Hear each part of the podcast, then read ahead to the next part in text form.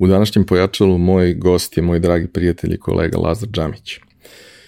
Četiri godine nakon prvog gostovanja, u kome smo se malo više bavili nekim istorijskim stvarima i tome kako je nastao ovaj, marketing kod nas, danas pričamo o nečemu potpuno drugo. Pričamo o aktualnom trenutku, pričamo o njihovom porodičnom boravku u Srbiji nekoliko godina i odluci da se vrate u London i šta se sve to desilo za tih šest godina u Britaniji, kakva je tamo situacija, šta se desilo sa njihovim karijerama i planovima koje su imali da naprave ozbiljne zaokrete, e, kako njegov lični profesionalni život izgleda danas i e, koliko je na liniji sa onim što je želeo i planirao.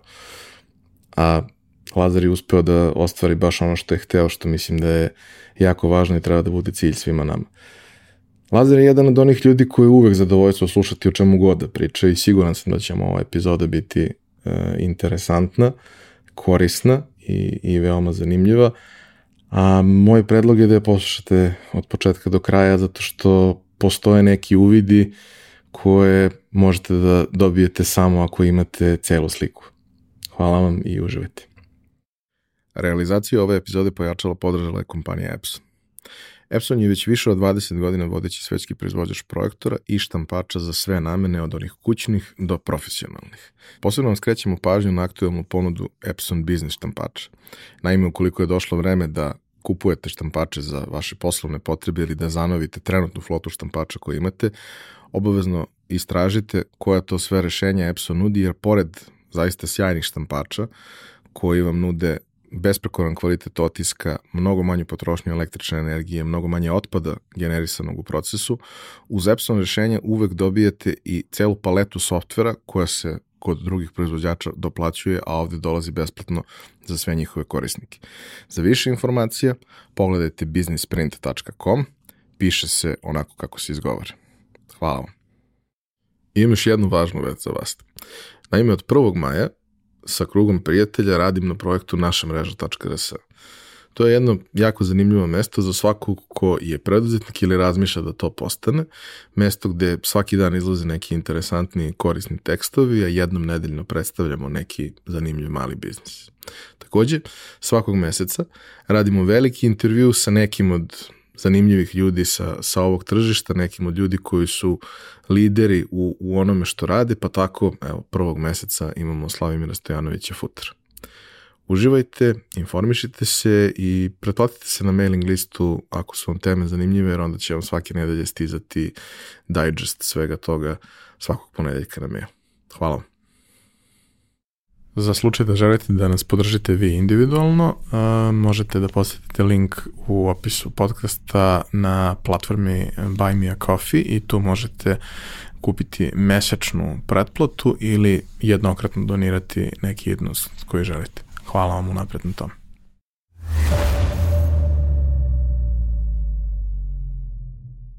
I nakon četiri godine, ponovo na isto mesto, umeđu vremenu sam ja naučio da vodim podcast, tako da... A ja da odgovorim na pitanje.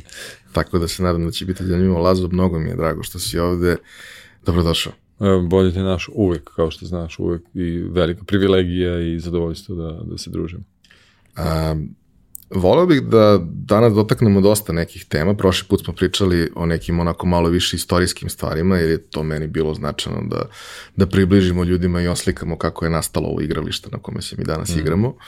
Ove, ali danas hoću da se bavimo malo više nekim aktualnim stvarima i, i, i nekim životnim stvarima, jer šta se, da kažemo, najkrupnije promenilo u ove četiri godine? Pa nismo više sugrađani. Da. E sad, E, pošto nismo mnogo pričali o tome prošli put, volio bi da krenemo od toga e, zašto ste se vi porodično vratili onomad u Srbiju i zašto ste sad otišli ponovo u London. Da, moram da kažem, i dalje, i dalje smo sugrađani zato što smo obojice građani sveta, tako da smo, ali na lokalnom nivou to je tačno. Um, vidi, privatni razlozi su uvek kod nas bili najvažniji. Ja sam još ono ranije kad smo došli u Beograd 2016. rekao posle 30 razloga, uglavnom privatnih razloga, koji su nam rekli sad je vreme da uzmete, što kažu na englezi, sabbatical, neku vrstu uh, uh, raskida, prekida, odnosno pauze, bolje objasniti pauze, da se resetujemo privatno, da resetujemo karijere, da a, za decu je bilo za čerke izvaredna stvar da a, a, te neke nove periode u svom školovanju da odrade u Beogradu u internacionalnoj školi i dalje, ali a, bilo je vreme da svi nekako promenimo scenu. I opet kažem iz različitih privatnih dinamika. Ja sam sagoreo u Londonu što se tiče posla, jedno, posebno u Google, jednostavno to te izrenda, te onako do daske te izrenda i ti u određenom periodu možeš da vidiš šta su alternative, a u Londonu za posao kao što je moj, ti nemaš druge alternative sem da ostaneš u istoj industriji, istom poslu i to je to.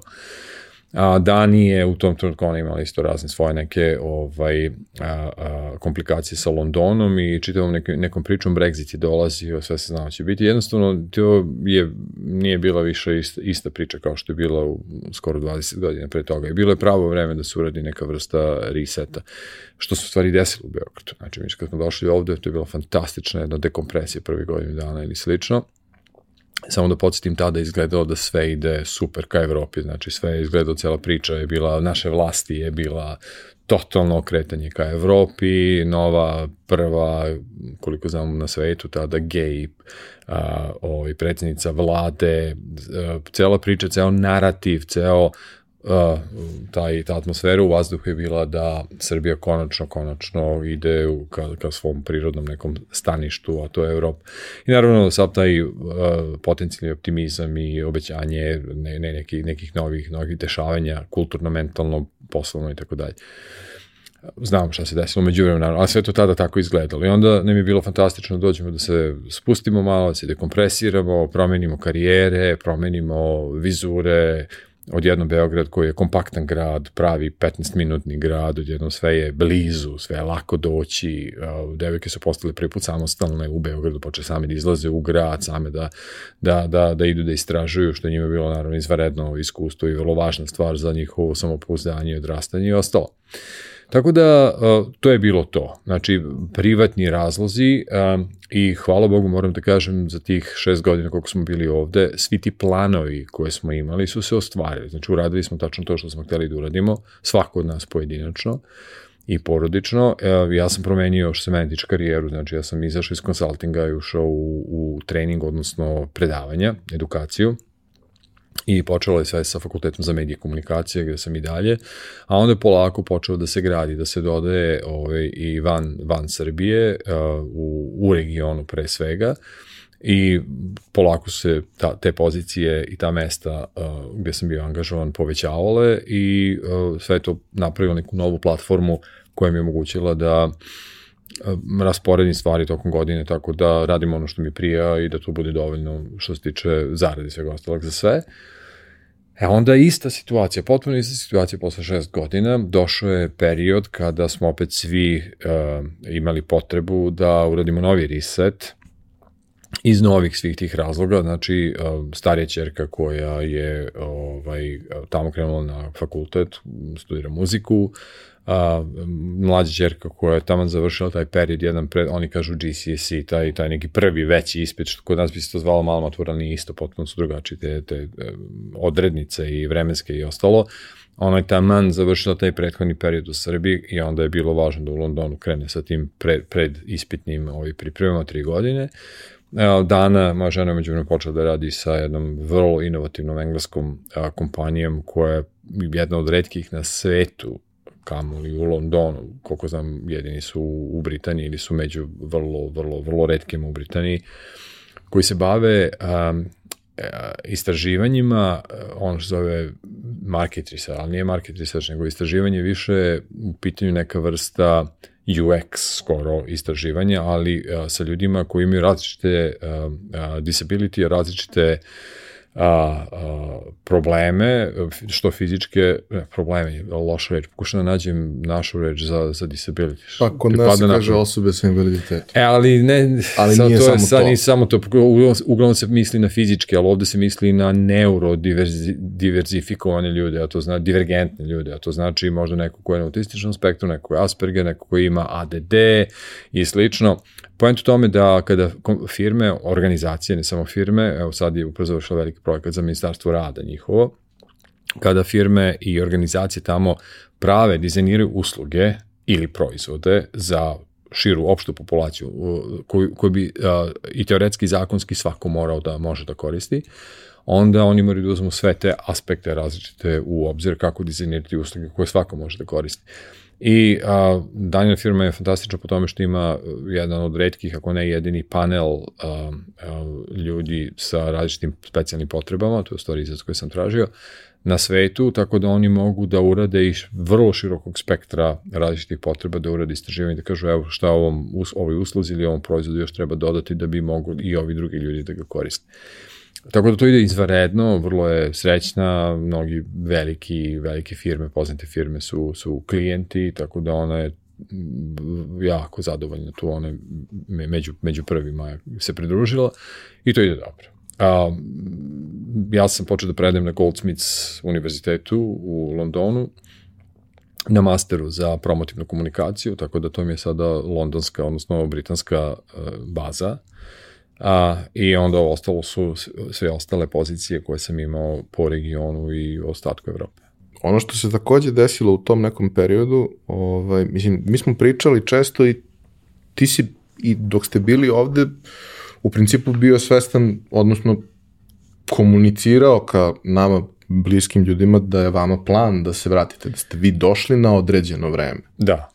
Mi smo došli na određeno vreme, samo što nismo znali koliko će to biti određeno vreme, ali smo znali da će biti uh, uokvireno, najverovatnije će biti uokvireno timing, uh, timingom naše dece uh, i njihovim uh, e, obrazovanjem. Znači, znali smo da će tu negde biti granice, odnosno da ćemo parametri s kojima ćemo morati da, da se igramo, će biti to u stvari.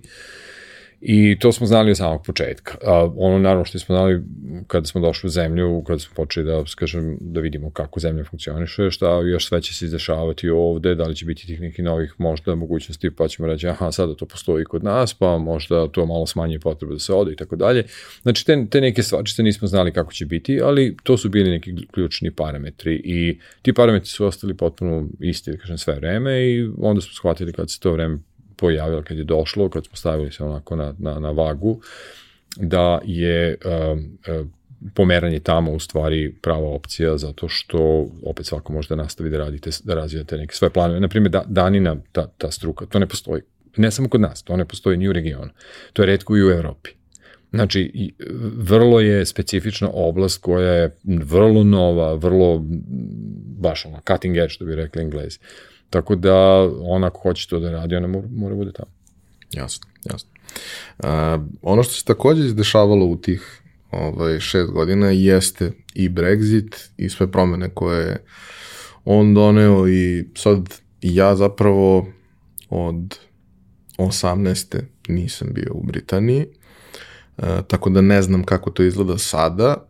E, imam prijatelje s kojima se čujem između ostalog i sa tobom, pa dobijam neke signale mm. i sve, ali bih voleo da, da ti ispričaš, ok, nisi ti u tih šest godina koje ste bili ovde, nisi ti bio potpuno diskonektovan. Mm. Redovno ste vi i išli mm. i bili u kontaktu sa svima tamo, naravno, ali sve je to drugačije kad mm. si u kontaktu, a drugačije je kada se vratiš Tako je. i kada si tamo fiksiran veći deo vremena.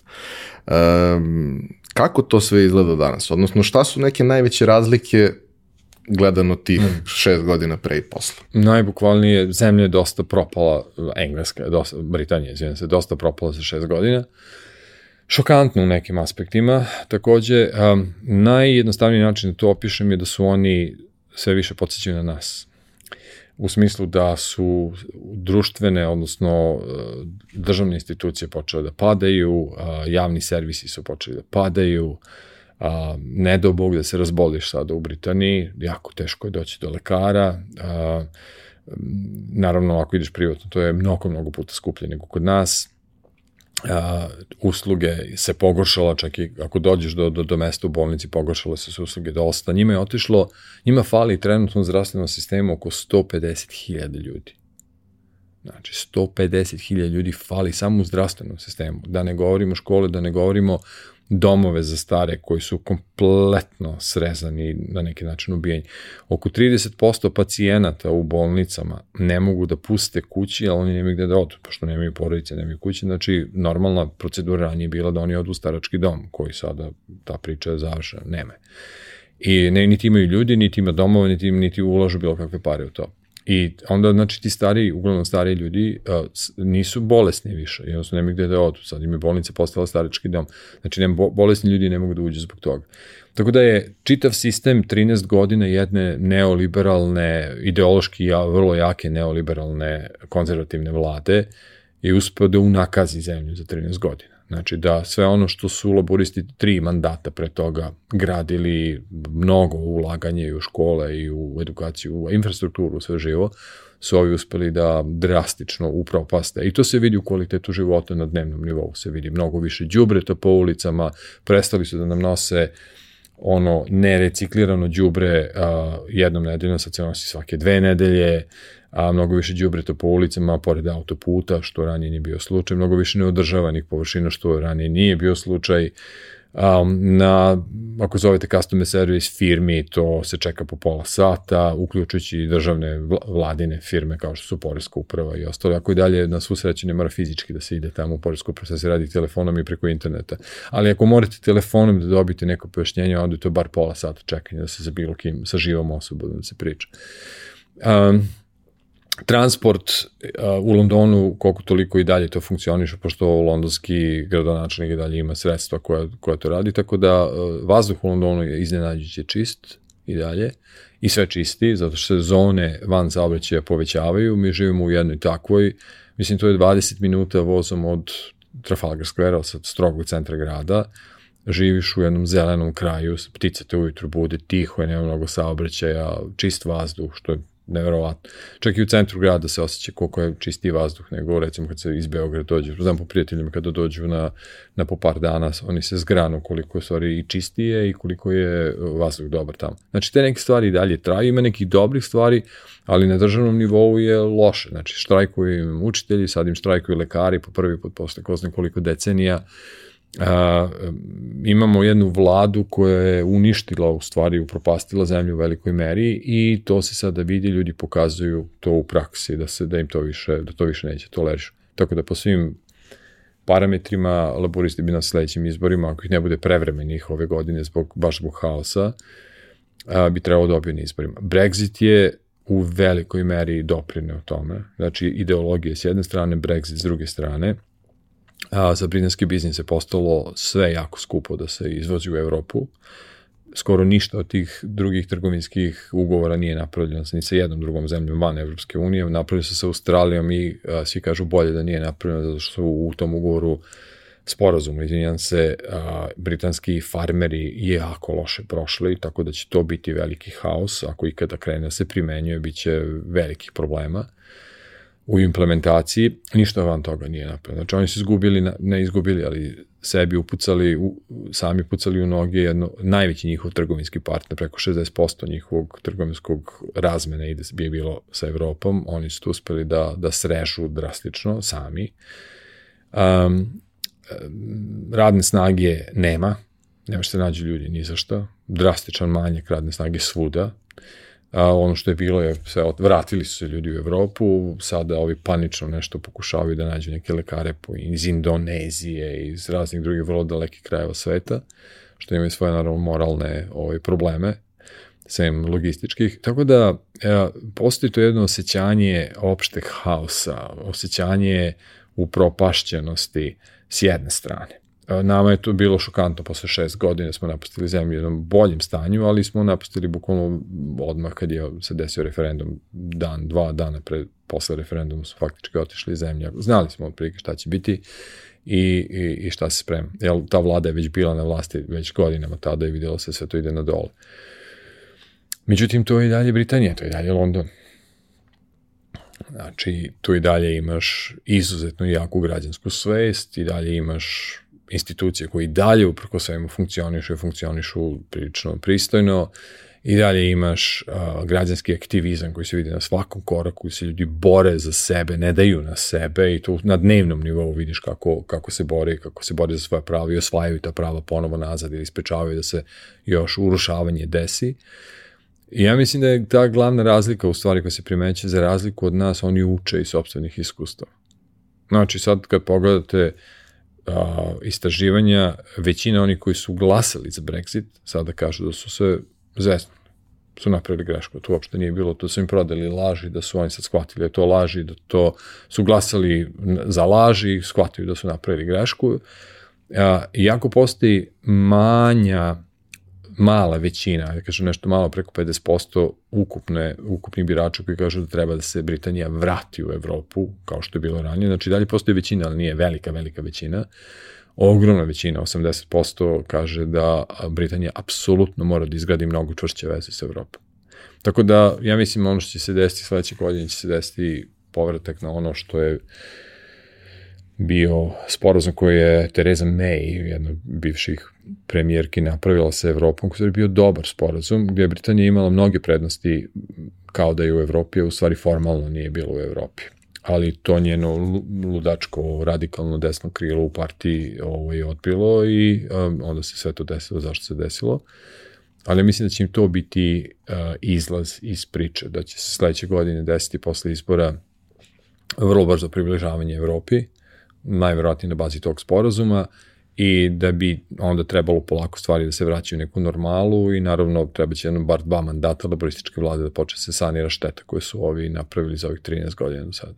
Da, kod nas postoji to pravilo da se ne rade stvari koje, za koje je potrebno više od jednog mandata. da. ovaj, tako da mislim da će to biti mislim da će to biti prilika velika da, da se stvari pokrenu, da li će samo to, to što se desi u tih četiri godine biti dovoljno da oni opstanu. To, to jeste je... veliko pitanje, ali iskreno narod je toliko već iscrpljen da čak i ako krene na bolje, već će biti dobro. Samo bude da se vidi da ide na bolje, pa će već biti dobro. E, kaži mi, ti si, da kažem, u tom celom svom procesu reseta ovaj, tvoje, tvoje karijere, e, mno, izuzetno si se aktivirao na polju edukacije i bili smo zajedno na, mm. na FMK na samom početku, ovaj, klinci kojima si ovde počeo da predaješ ta iskustva sa, sa prvih predavanja i dan danas prepričavaju kao nešto mm. fantastično. To mogu da ti kažem jer ih znam dobar deo. Ovaj, e, konkretno, evo, sećam se baš koliko su pričali o tome kako si predavao CRM, jer oni nikad ništa slično nisu mm. čuli. Mm. Mm. Ovaj, ali volao bih da, da malo više, da kažem, pojasniš uh, prvo zašto si se opredelio za tako nešto, zašto si se opredelio sada za akademski rad mm -hmm. ovaj, i rad sa, sa studentima, a onda šta je to što ti želiš njima da preneseš mm. onde gde i koliko možeš da, mm. da biraš šta su prosto stvari, vrednosti, teme kojima želiš da se baviš. Mm. Da. Pa i ranije dok sam, dok sam još bio u, i u kancelariji i u, i u konsultingu, nekako meni to išlo dobro. Uspevao sam da na neki način pričam dobre priče vezano za to šta, šta hoćemo da radimo i za klijenta i ostalo. To je nekako išlo fino i ja sam shvatio da, da meni to prija da radim, da to volim da radim. I da negde, evo, super, hvala ti mnogo na ovome, da negde izgleda da to i dobro prolazi.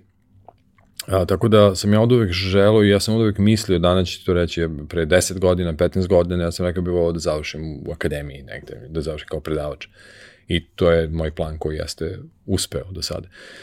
Um, druga, drugi veliki razlog je nema klijenata. Ne bakćeš se s klijentima, bakćeš se sa studentima, s decom koje u suštini ne znaju to.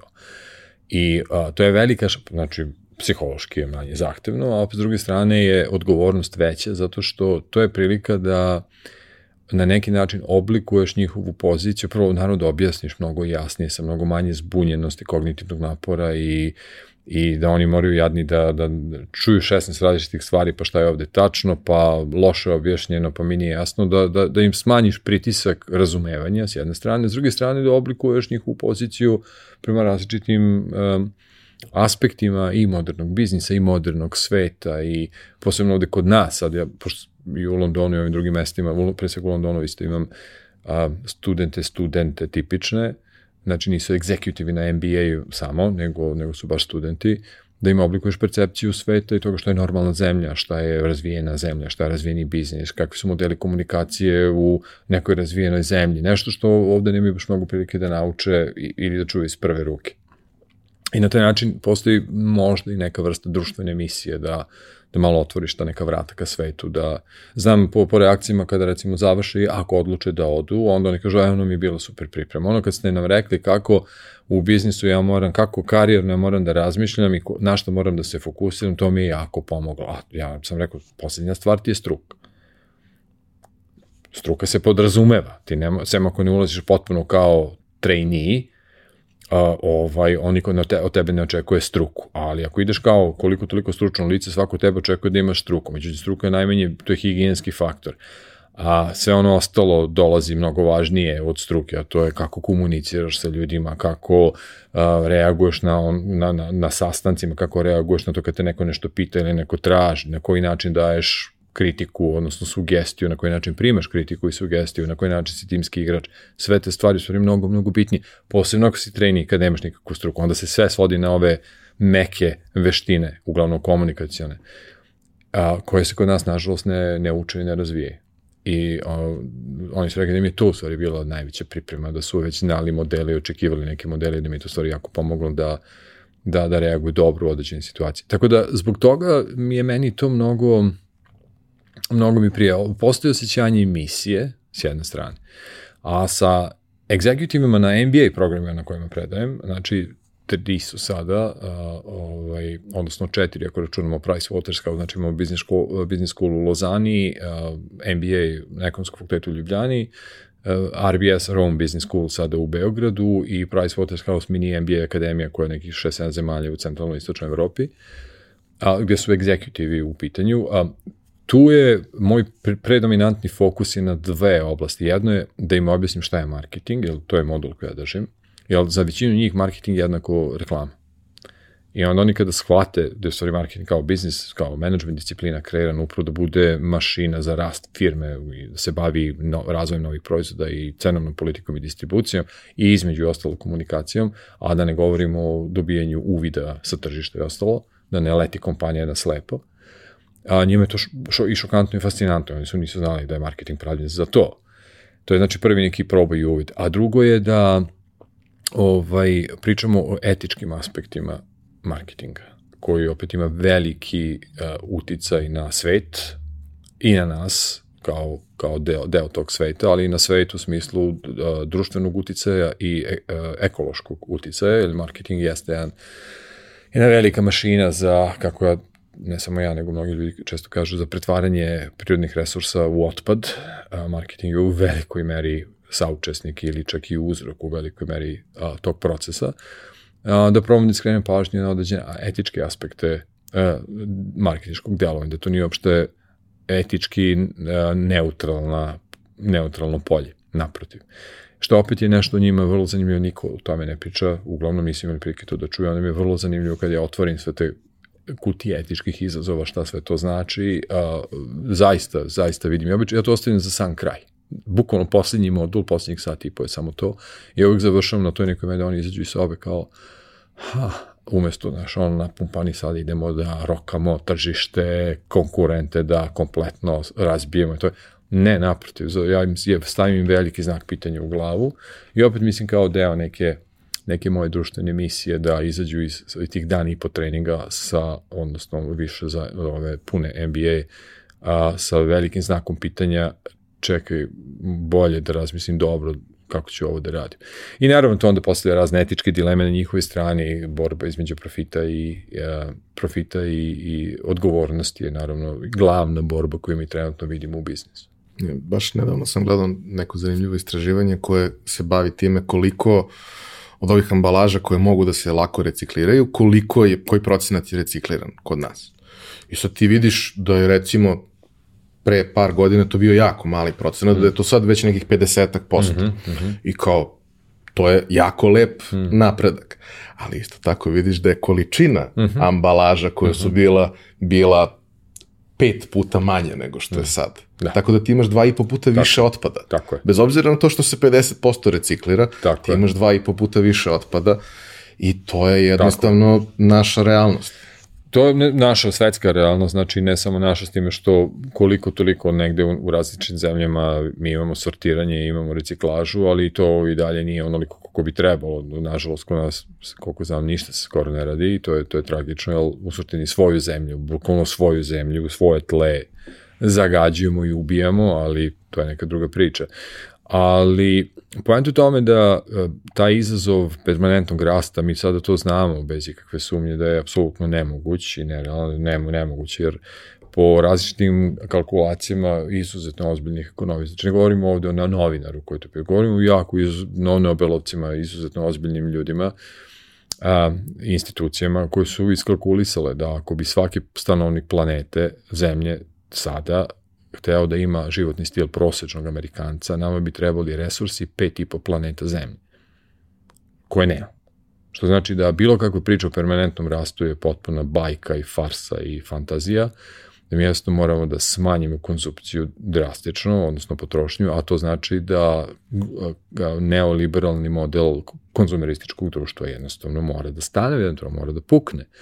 Da će da pukne dobro, da će tranzicija, tranzicija da bude uh, menadžovana u, u, urađena s nekim planom i strategijom i redom. Već to se završi da se ta tranzicija deci na jako loše načine, ostaje se vidi. Ono što sam isto želao da te pitam, zato što sada već imaš iskustvo sa, sa različitih tržišta kao predavač i sa, da kažem, ljudima sa najrazličitih podneblja, um, kako se razlikuje rad i sa studentima i sa ljudima koji su u nekoj fazi, mm. ozbiljnijoj fazi karijere, kako se oni razlikuju od tržišta do tržišta?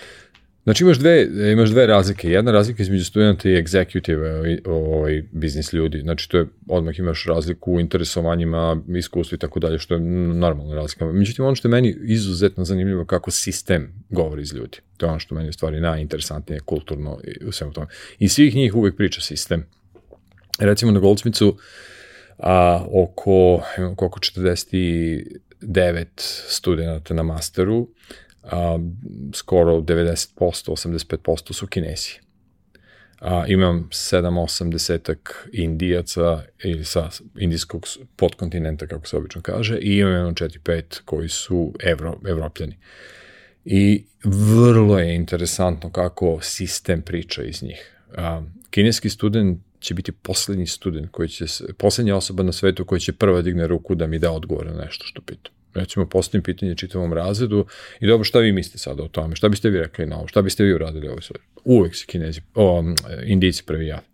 Znači oni se uvek prvi javljaju, na, uvek nasmejani, uvek uh, glagoljivi, hoće da pričaju, onda između sebe oni krenu da objašnjavaju i zajedno sa mnom i to je uvek, a evropljani malo su uzdržani, imaju komentare, komentari su malo promišljeni, ma, manje, ajde kažemo spontano potrebno taj izraz, ali uh, učestvuju u priči, ali obično prvi koji se javlji su, su, su indici.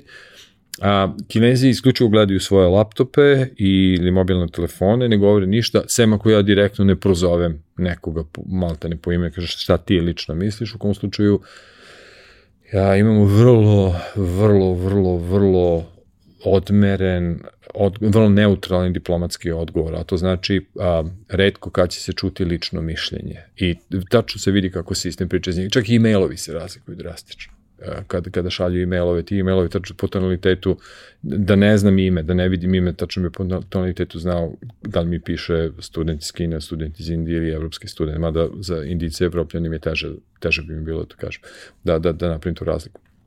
Tako da jako sistem i kultura govori iz njih i to mi je recimo bilo vrlo, vrlo fascinantno. To se vidi u pisanju takođe, kada pišu svoje eseje, mada tu sad postoji drugi problem, a to je jezička barijera.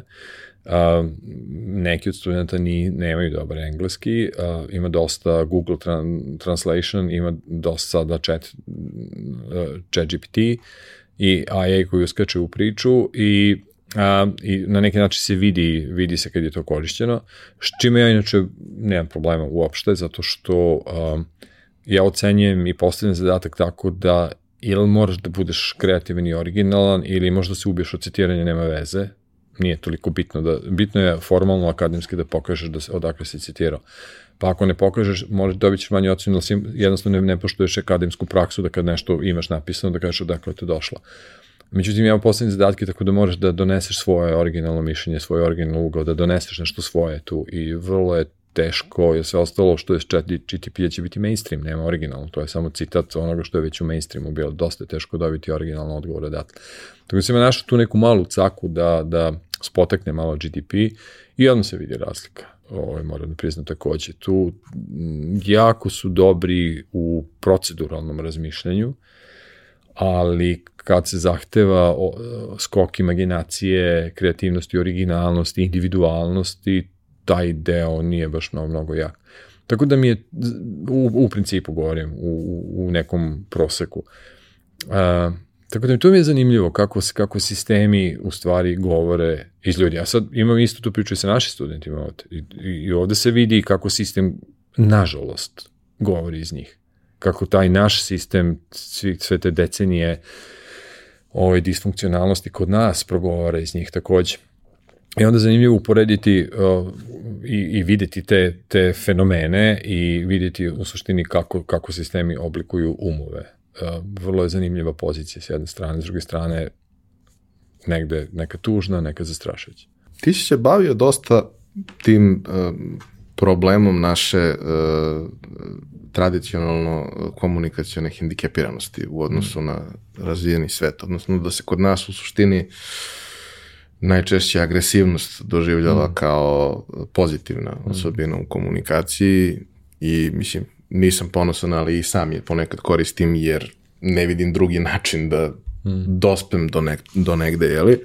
Ovaj, ali naravno da uglavnom ljudi kada odu odavde, tek tada shvate koliki je to problem mm. u nekim društvima. Možda je u nekim društvima kao što je američko to pozitivno ako se frejmuje na mhm. adekvatan mm -hmm. način, jer oni jesu Jasne. to neko... Ekstrovertni, Jasne. direktni, glasni. Pa i preduzetničko i društvo preduzetničko, u tom da. nekom da. smislu. Mm.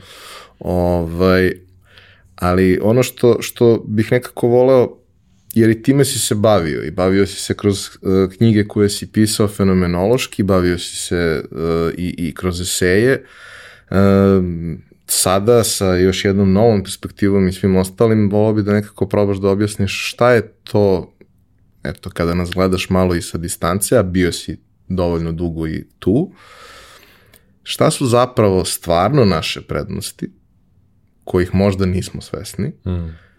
A šta su isto tako naše mane kojih takođe verovatno nismo svesni. Mm. Da, uh, verovatno najočiglednija prednost, uh, to i po sebi, znam, a naravno ovako sa strane kao posmetam, verovatno najočiglednija prednost je naš, naša naviknutost na haos. Mi se ne plašimo haosa uopšte, nama je haos najprirodnije moguće stanje i što je jako dobro za, recimo, tehnološke ili inovativne uh, situacije, odnosno firme, odnosno tržišta, gde se stvari menjaju jako brzo, gde je vrlo brzo možeš da pivotuješ na neku stranu. Mi smo negde navikli na vrlo brzo menjanje stvari, na nestabilnost i na haos i to je u stvari jedna velika, pre... kad se ta vrsta energije korisno u obroči, kad se dobro iskoristi u firmi koja, recimo kao Google, koja ima neku svoju strategiju, onda tu vrstu karakteristike dosta ceni u stvari to se pretvara u jednu super, super moć koja je izvaredna. Jer mnogi žitelji i stanovnici stabilnih društava su navikli na stabilnost i a, parališu se kada su stvari, evo sad Englezi, oni mnogi ne znaju šta da rade, odjednom nema paprike, paradajza i kumkvata u prodavnicama, I on njime hao, kao kako nema. Oni misle kamioni su zakasnili. Ja kažu ne bre, nema. Mi ne proizvodimo, u Portugalu više je bila loša, loša žetva, naši neće da prave, ovi tamo su malo je rodilo, sve su uzeli za sebe i za Evropu, nema. Ja, viš kako treba im vreme da procesuju da nešto nema. Tako da kad si stabilan dugo vremena, što se kaže, divna izreka u biznisu, kaže, svaka snaga, svaka jaka strana koju firma ili pojedinac ima, ako previše igraš na tu kartu, on postaje slabost. A sad, ako igraš na kartu stabilnosti previše, stabilnost postaje slabost, jer u okruženju i u svetu u kome se stvari menju mnogo brže, ti počneš da bivaš nesposoban da funkcioniš ili imaš problem. Naša dobra karta je što smo navikli na haos i na nestabilnost, da smo brzi da se okrenemo u, u, u koraku uh, na razne strane i da promenimo način rada i tako dalje i tako dalje. Znači to je nešto što ja mislim bi mogu divno da se iskoristi. Drugo je ono što sam, o čemu sam pričao, onaj džugad ili što ga klađ, što ga zovu softveraši, odnosno sposobnost da buđimo brzo. To je sada akademska disciplina na Stanfordu, na MIT-u, na Harvardu i na mnogim drugim, posebno tehnološkim fakultetima, Caltechu, oni to zovu dizajn u uslovima ekstremnog nedostatka resursa. Znači imaju e, naučno ime za to, mi to zovemo nemaš pare, nemaš resurse, ajmo da zbuđimo nešto. Štap i kanap. Bu štap i kanap, bukvalno. E, oni su od toga napravili a, naučnu disciplinu, što je meni žao da mi nismo tu radili, to je naša borilačka veština, prava. A oni, sad ćemo opet da kupujemo od njih e, know-how, a u stvari treba bi bude obrnut. Jer su oni shvatili u današnjem svetu, to je vrlo važna karakteristika i a, oni su odlučili da to uvedu u sistem, da to postane deo sistema i da se to uči, da se trenira taj mindset. Znači, to su neke stvarčice koje ja mislim nama omogućavaju a, da, dosta, da budemo inovativni, da budemo kreativni, da budemo brzi, okretni u pravom, dobrom sistemu, bilo da je firma, bilo da je društveni sistem, ta vrsta sposobnosti zaista može da bude jako dobra, jako dobra stvar, stvar jako dobra prednost na neki način. A, one druge stvari su a, a, mi smo ubili kompletno, to se vidi jako s polja, to, to stvarno neko mora s polja da gleda, teško je vidjeti to iznutra, a s polja se to baš jako vidi. Mi smo ubili a, želju za razvojem i napredovanjem, znanje nije bitno u ovoj zemlji mnogo, bitno je sa druge stvari i to se dosta vidi u um, u, u raznim ispoljavanjima, postali smo provincijalni jako, uh, nažalost, e, govorim u proseku opet, uvijek imamo briljantne pojedince, ali tako, ali govorim nekom proseku. I opet kad čim mrdnemo iz metropolitanskog beogradskog seta nekog koji i onako, mnogi od njih su međunarodni set i tako dalje, vi imate veliki problema u srpskim provincijama gde ljudi ne znaju, jednostavno ne znaju šta je modern svet, ne znaju šta je modern život, ne znaju šta je moderna zemlja, ne znaju šta je moderna institucija, sve je to naučna fantastika za nas. Nažalost. Tako da te stvar, ta stvar je loša, samo a, a, samo, a, samo razvoj, ra, sobstveni razvoj, radiš na tome sam da se razviješ i da učiš, to ne postoji. Znači ja sam morao da promenim kurs u Beogradu, dve godine sam pokušao da radim kao u Londonu, to znači da sva predavanja unapred budu snimljena, pripremljena kompletno, znači kao da si na, na, na, u, u auditorijumu, sve unapred snimljeno, ispričano sa svim slajdovima i ostalo, sav prateći materijal je dat i onda faktički pred a, imamo termine svake nedelje, termini su bili debate. A to znači dođeš pripremljen i na bazi toga što si pročitao, odslušao, odgledao predavanja, ajmo sada da radimo debatu. Šta vi mislite? Kako biste vi to objasnili? Radimo jednu debatu i kroz tu debatu uđemo dublje mnogo u razne aspekte toga. To apsolutno nije funkcionisano. Petoro je od njih stoji nešto dolazilo pripremljeno i uopšte imalo pojma šta je u tom predavanju. Oni bi voleli da dođu da čuju da ja pričam to što zabeležem u tom času, to je to. U notama što ostane ostalo eventualno pred ispit, ne, mnogi čak ni to. Znači, taj aspekt samo razvoja je dosta problematičan ovde. Da ja sam nešto radim, da ja sam nešto učim, da me niko ne drži za ruku. To i kinezi imaju isti problem s tem. Provodili su, oni su navikli provode mnogo vremena sa profesorima, koliko sam čuo u Kini, međutim u Londonu ti si, imaš malo vremena s profesorima, ostalo ti je svetjen, da, to je već ovamo, sedi pa gruj. E, taj deo je težak, ta barijera je dosta teška da se, da se prebaci. Um, pored toga što smo naravno ubili um, poštovanje prema bilo kakvom intelektualnom radu, prema znanju u principu, prema tome da je pozicija zaslužena. Da reakcija na to kada kaže da si profesor u recimo razvijenim zemljama i kada kaže da si profesor ovde je prilično drugačije, mora priznam iz ličnog iskustva. Jer ovde možda svako što bi rekao naš narod, svako može bude profesor. Ne znaš ti da li je to pravi profesor, ta diploma kupljena negde i, i sve ostale stvari. Jednostavno toga nemaš, u, u, bar u ovim zemljama u kojem verujem, nemaš tu situaciju. Nikome ne pada na pamet da ti kupio diplomu. Stvarno im ne pada na pamet. Ljudi znaju da si seo, da si gruo 15-20 godina više da bi došao te pozicije. Respekt. Tako da to se u body language se vidi kako ljudi reaguju i sve ostalo. Um, ti pasoš, recimo u engleskoj, ako prvi put vadiš pasoš, to treba ti potpiše osoba od ugleda u, u društvu, u tvojoj lokalnoj sredini, a to su učitelj, doktor, neki profesor, ranije bio menadžer u banci, više nije toliko, ali neka osoba koja je ovako nekog statusa, što mi imamo rekli javni radnik. Da, dosta toga se, ovaj, nažalost, urušilo u ovih 30 godina. Pričali smo u prethodnim epizodama i o obrazovnom sistemu, kakav je i koliko on ima svoje probleme u ovim obaveznim delovima školovanja i posle ovaj, na, na fakultetu.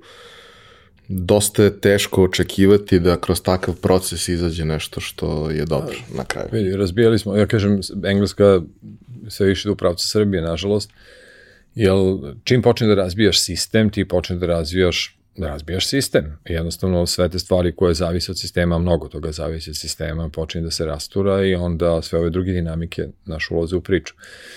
Tako da, to su neke moje onako glavne stvari. Mi, um, i, mi bi mogli vrlo dobro da iskoristimo razne mentalitetske prednosti koje imamo ovde, ali je zato potreban sistem koji će da ih, da ih dobro iskoristi, da ih upakuje. Slažem se. I da ih stimuliše, izvini. A, jedna od stvari o kojima ti zaista i pričaš i pišeš sa posebnom strašću, a mislim možda i, i najbolje na ovim prostorima, odnosno meni makar najzanimljivije, a bavim se temom pa, pa mi jeste bitno, jeste upravo storytelling, odnosno pripovedanje.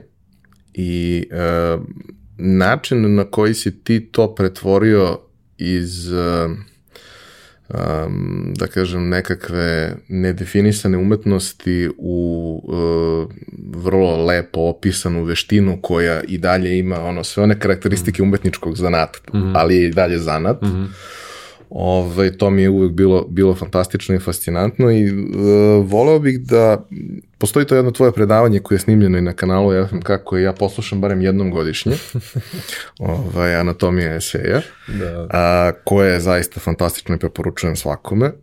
A, voleo bih da na neki način podeliš sa nama ono što si shvatio i obličio, istražio, naučio i sve ostalo, uh, E, šta neke priče prosto čini mm. dobrim, mm. na neki način i večnim, mm. mada to ne mora da mm. bude tako, ovaj, i prosto šta ih odvaja u odnosu na one prosečne, jer to je vrlo, vrlo da. jasno korelira jasno. sa, sa brendovima, sa vrednostima, jasno. sa svim ostalim stvarima. Jasno, jasno. Znači, van, van one bazične poente, a to je da naš mozak ne može, um pre svega, ne može da procesuje realnost bez narativa, da smo mi stvorenje priče, u stvari, zbog jezika i mašte, a i drugo zbog načina kako smo, se, kako smo oblikovani i evolucijom i u socijalnoj evoluciji pre svega, naš um ne može da procesuje ništa bez priče. Mi jednostavno nemamo smisao bez narativa, ne moguće imati smisao bez narativa, skoro. I a, mi smo već baždareni na priču e, evolutivno, kognitivno, neurološki, da tako kažem. A, šta priča čini moćnjima, znači, pored tog nekog zajedničkog evolutivnog nasleđa socijalnog, um, ja sam dosta mišljao o tome, znači, u, dobra priča uvijek angažuje emocije. Znači, nema dobre priče bez emocija, angažovanja emocija. Na, na neki način, različitih emocija u zavisnosti od konteksta, cilje priče i tako dalje, ali vrlo često propaganda i rezultata koje želimo da postignemo, mi različite emocije pokušavamo da, da stimulišemo.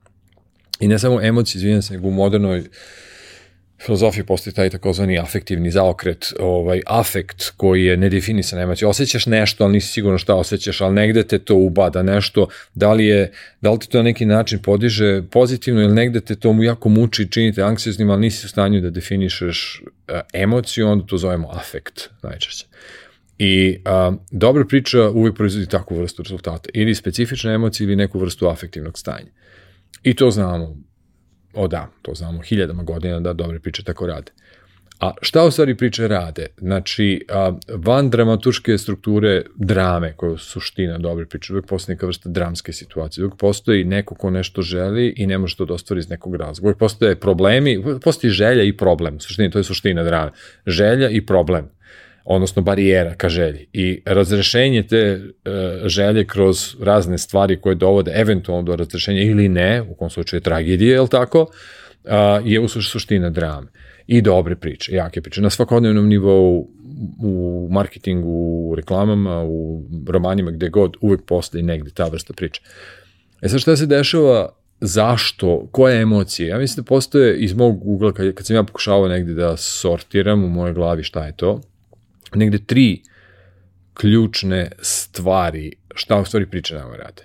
Jedan važan aspekt delovanja priče na ljude je da priča nam često pomaže zbog načina kako je o nečemu pričano, da nam pomaže da u našoj glavi artikulišemo nešto o čemu smo i sami razmišljali na mnogo bolji i jači način. Da nam priča jednostavno da glas u glavi, glas koji kaže o ovome može ovako da se priča, obično to su aforizmi, slogani, parole, neko artikuliše nešto o čemu mi kolektivno razmišljamo u jednom izrazu, u jednoj paroli, u jednom sloganu, mi kažemo to je to, e, to je baš to i osjećamo to jako emotivno, da je to pravi način da se ta, ta, tako kaže da, ili da se o tome priča. Znači, jedan deo uspešne priče je da artikuliše taj naš glas u glavi na, na, na emotivne načine, jake, jasne, reske emotivne načine. Mi kažemo, e sad konačno znam tačno kako ovome da pričam. Znači, da nam glas negde.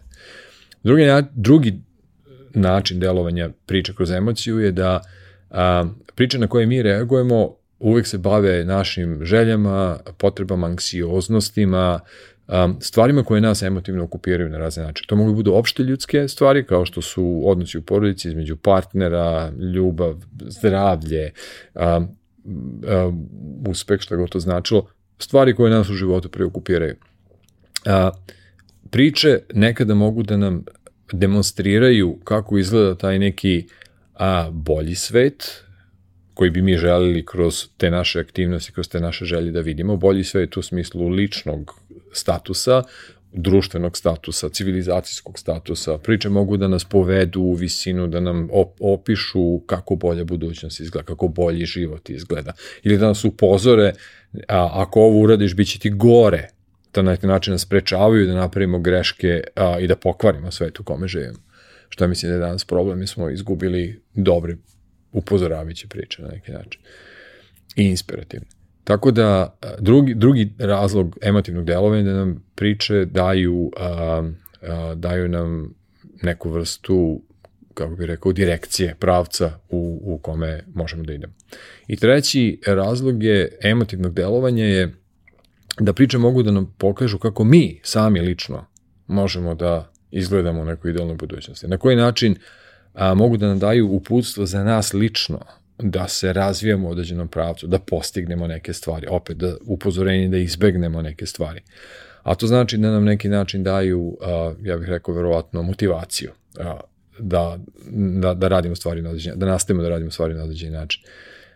Tu negde vidim tri mehanizma, emotiv, tri emotivne mehanizma delovanja priče. Da sve dobre priče, uključujući i brand priče, rade ove stvari, bilo zajedno u određenoj mešavini i bilo neko od njih fokusirano na jednu od ovih stvari kao što je politička propaganda fokusirana na pravac delovanja, ovo je bolje društvo koje želimo i naravno ovo je bolji pojedinac i pravi pojedinac za takvo društvo kako želimo da pravimo. A, brendovi su nosioci smisla vrlo često i onda uvek postavimo pitanje kao narativne platforme, brendovi uvek imaju neku vrstu smisla koju pokušavaju da prenesu. A, da i neku vrstu sveta koju uvek brendovi slikaju za sebe. Kažu, ovo je svet u kome mi funkcionišemo, ovako bi želeli da svet izgleda, svet, naš svet, svet našeg brenda bi želeli da izgleda na ovaj način. To znači a, svet Audija će biti drugačiji od sveta Coca-Cola, će biti drugačiji od sveta Pampersa, će biti drugačiji od sveta drugih brendova koje svako ima neki svoj svet koji nosi sa sobom i pokušava da projektuje I to je upravo to. Ovakav svet želimo mi da pravimo i onda kažemo, u, ovo baš rezonuje sa mnom dosta jako a, i, i počnem da gradim preferencu u glavi. Tako da, ja mislim to su ta tri neka mehanizma kako priča kreira emocionalnu rezonancu. Ali nema emocionalne rezonance ako ona stvarno ne rezonira sa našim potrebama, željama, pre svega, ali u velikoj meri anksioznostima i a, pre svega anksioznostima, znači i negativnim i pozitivnim uh, aspektima naše, naše emotivne psihologije. Najjači brendovi, najbolji brendovi majstori propagande a, uvek ubadaju u te neke aspekte naše ličnosti. Da, imali smo, ovaj, nedavno sam ja imao predavanje na, na konverziji koje je bilo mimo svih planova, konferencije i svega ostalog, sam se ja bavio nekim temama koje mene muče slično kao što i tebe muče u našoj industriji. Ovaj, I onda sam, da kažemo, na neki način poentirao pričom o, o tome kako ja doživljavam neke stvari koje je kompanija Apple radila kroz godine i sad ja lično smatram da je ono najmoćnija poruka u advertisingu ikad napravljena bila Think Different sa onim spotom koji je išao uz to, mm. naročito sa, sa voiceoverom koji lično Jobs čita, jer je poenta toga svega da normalizuješ ljude koji su odbačeni u da. društvu. Da. Mm. Jer obično ljudi koji su drugačiji naprave neku promenu, vrlo redko oni što mm. kažu da su svi mm. isti, vrlo redko oni zapravo nešto naprave.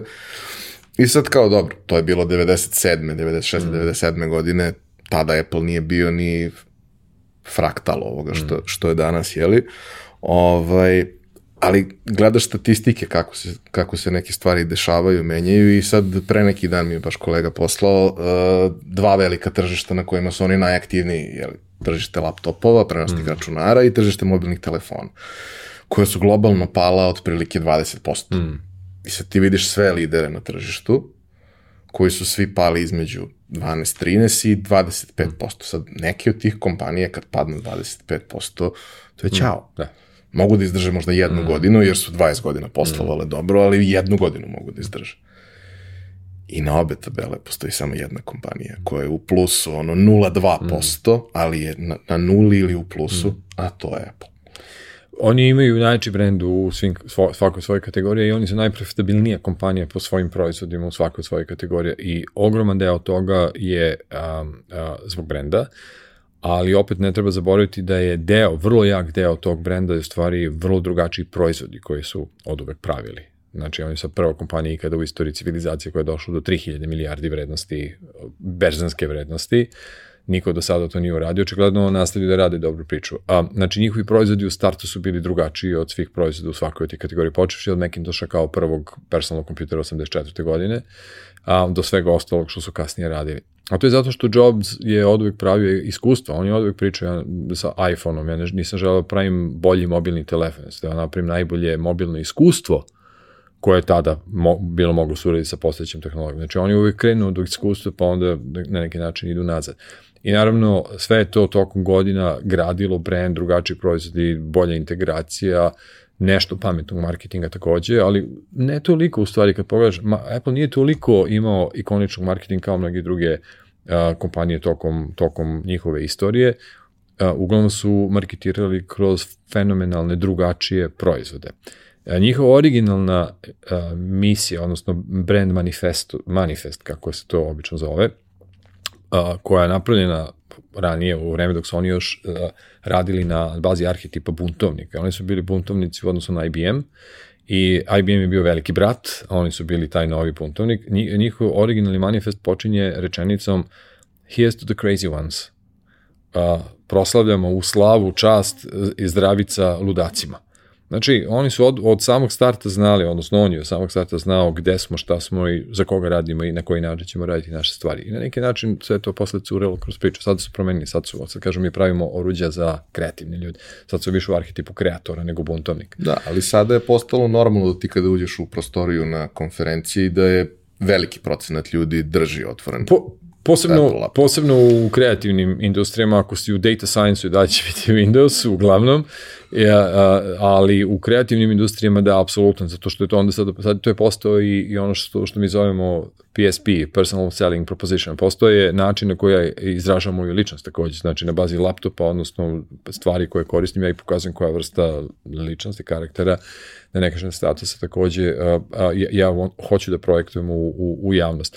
Ali ti si potpuno pravo, vraćam se na tvoju originalnu poentu, a, zbog jačine brenda, a činjenica da imaju najjači brend u svojim kategorijama, brendovi su, jaki brendovi su jako dobra zaštita od različitih fluktuacija na tržištu. Tačnije, jaki brendovi imaju manju a, elastičnost a, cene i percepcija elastičnosti cene nego slabi brendovi. Slabi brendovi je mnogo veći elastičnost, što znači mnogo ih je lakše zameniti u procesu donošenja kupovine u zavisnosti od uslova, uključujući naravno pre svega, naravno sada problematične a, nedostatak para.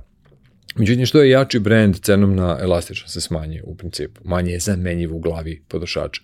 I to je velika odbrana koju jak brend može dugoročno, ali mora dugoročno da radi. To se ne pravi za godinu dana, to se pravi du, duži period vremena. Treba vremena da se napravi dobar brend. Međutim, imam utisak da, pre svega na našem tržištu, dugoročno strateško razmišljanje je baš uvek izražena dosta jako. Imamo nekoliko brendova koji to dosta dobro rade i vidi se da rade. Uh, a opet s druge strane dosta brendova koji to rade na vrlo taktički neki način i onda dolaze u kategoriju da kad gledate istraživanje tržišta kao za neke kategorije ovde kod nas, recimo banke, gledaš istraživanja, glavni uvid iz tih istraživanja, pa svi su oni isti. Da. Da, to je neka generalna percepcija ko je zauzeo neko veliko mesto na tržištu, on drži to mesto jer je ljudima previše teško da promene. To je jedna stvar, a druga stvar pitanje kako je zauzeo, većina banaka su rasle kod nas kupovinom manjih konkurenata. Pa i to, da. Mislim, i to se i sada dešava. Mnogo manji procenat je rastao kroz takozvane marketinške metode rasta, povećanje market share. Uglavnom su market share-ovi rasli kroz MA, M&A, znači merger acquisition kupovinom i, ili kroz ulaganje, kapitalno ulaganje i otvaranje novih filijala. Plus što smo mi imali onu situaciju kada su došle banke kada su dve velike državne banke de facto nestale, pa si da. ti negde Izme, morao između, da odeš. Između ostalog, tako je. Da. Ovaj, I to je bio proces u kome ti moraš da napraviš neku vrstu konverzije. Uh, hoću na, na još jednu uh, stvar da te vratim nekako ovaj, u, u toj cijeloj priči, a to je uh, postoji taj neki moment koji je uvek bio magičan u Jobsovim keynote-ovima, u prezentaciji novih proizvoda i sve ostalo i neko je uzeo naravno i analizirao je to mm. sve. I ti sada možeš ono, da na, dobiješ bukvalno blueprint kako treba da izgleda tvoja prezentacija i naravno svi brendovi sada su počeli da koriste vrlo sličan način prezentacije mm. svega i to ne prolazi. Zašto? Pa zato što Jobsu ti veruješ, a ovi drugi vidiš da je naučen, vidiš da je iskopen. On je autentičan čovjek, on to radi na svoj autentičan način i veruješ, kao što influenceri su autentični od brendova vrlo često i ljudi veruju influencerima, ne, ne veruju brendom. Moraš da, moraš da imaš influencere, inače imaš problem da ti prođe glas uopšte za nove publike pre svega. Um, autentično, neko je jednom rekao u Londonu, ne znam ko, ali divna izreka, kaže, nema ničega više originalnog na svetu. Ne, ne možeš da budeš original, ali možda budeš autentičan. I vrlo je subtilna razlika između tih stvari. Ne moraš da budeš original da bi bio autentičan. Uh, on je imao, on je verovao u to što radi, radio na taj svoj način, on je bio prodavac, nije bio tehnolog, ništa u svojim proizvodima nije izmislio on, sve iskopirao što su drugi već imali i radili. Čuvena je ta priča o njegovoj poseti, to je Xeroxovo i Palo Alto laboratoriji, gde on vidio sva ta čuda kad je pravio Macintosh kad su radili, gde on vidio sva ta čuda, rekao, pa ljudi šta vi radite s ovim, kao, pa ništa, trenutno radimo, sam mislio, pa ko će ovo koristiti? Pa niko još se ne zna. wow, prazan prostor, komplet. Znači, ne, ne, ne, ne vrati stvari, ali on je bio sposoban to prepoznati, to spakuje dobro. I ovaj, um, autentičnost je važna stvar i mi smo relativno dobro, mislim mi, ali u principu ljudi, posebno a, određene grupe potrošača, posebno, ajde da kažem, obrazovani potrošači, potrošači koji su malo, malo verzirani, mi namirišemo jako lako, namirišemo neautentičnost, ono fake, što bi se reklo. I naravno, okrećemo se od toga. Postoji grupa potrošača koji nije u stanju tu da prepozna i onda te takvi brendovi vjerojatno žive od takvih potrošača. Ali zaista da bi bio u nekim kategorijama da bi bio na, na vrhu, e, stvarno može da radiš stvari koje niko drugi ne radi.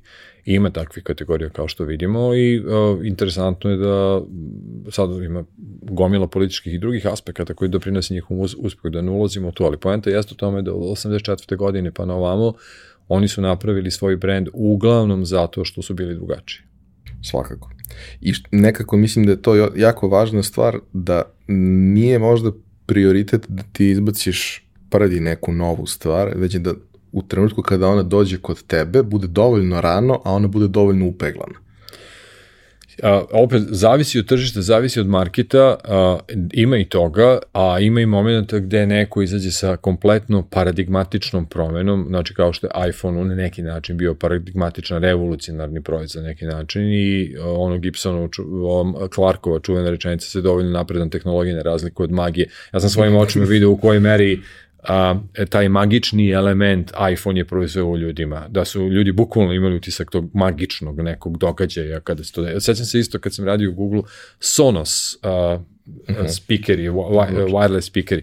Oni su imali super jedan trik, zvao se flicking, a koji su posle hteli da kopiraju razni drugi, ali opet ne bi bio autentičan, već i provaljena caka, već je Sonos bio poznat po tome, a to je da sa mobilnog telefona uh, ti kada počeš da pustiš pesmu, ti imaš partiju rođenja ili nešto, se te pokaže pred gostima, ti otvoriš tvoju Sonos aplikaciju i ti onda, a, kako bi prevod srpski bio, ti, ti je samo pesmu flikuješ na Sonos. Znači, kao da sam fizički pesmu bacio na zvučnik koji je 5 metara od mene i pes, pesma krene.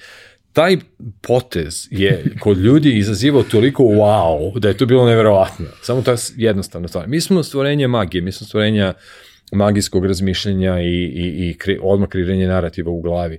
Takva jednostavna stvar može nekome da napravi, da ne kažem karijeru ili da napravi brand. A ako neko uspe nekoliko puta to da ponovi, da, onda je to već... Tako, tako. Onda to više nije izuzetak, nego je neka vrsta pravila, što tako. znači da imaš ustrojstvo u firmi koje je sposobno da proizvede takve stvari. Da. Tako I da one dođu do kraja, znači do, do finalne Tako realizacije. A samo da podsjetim, nije slučajnost, znači mnogi vrhunski UX-eri i UI dizajneri, mnogi, su provodili vreme u firmama kao što su Pixar, a, kao i razne druge, jednostavno studirajući na koji, Disney, na koji način ti ljudi mogu ovu čašu da naprave u a, lik, animirani lik, za čiju sudbinu mi sat i po vremena sedimo na ivici stolice u bioskopu i grickamo nokte šta li će se desiti s jednim tosterom, s jednom krpenom lutkom i, i nečim drugim.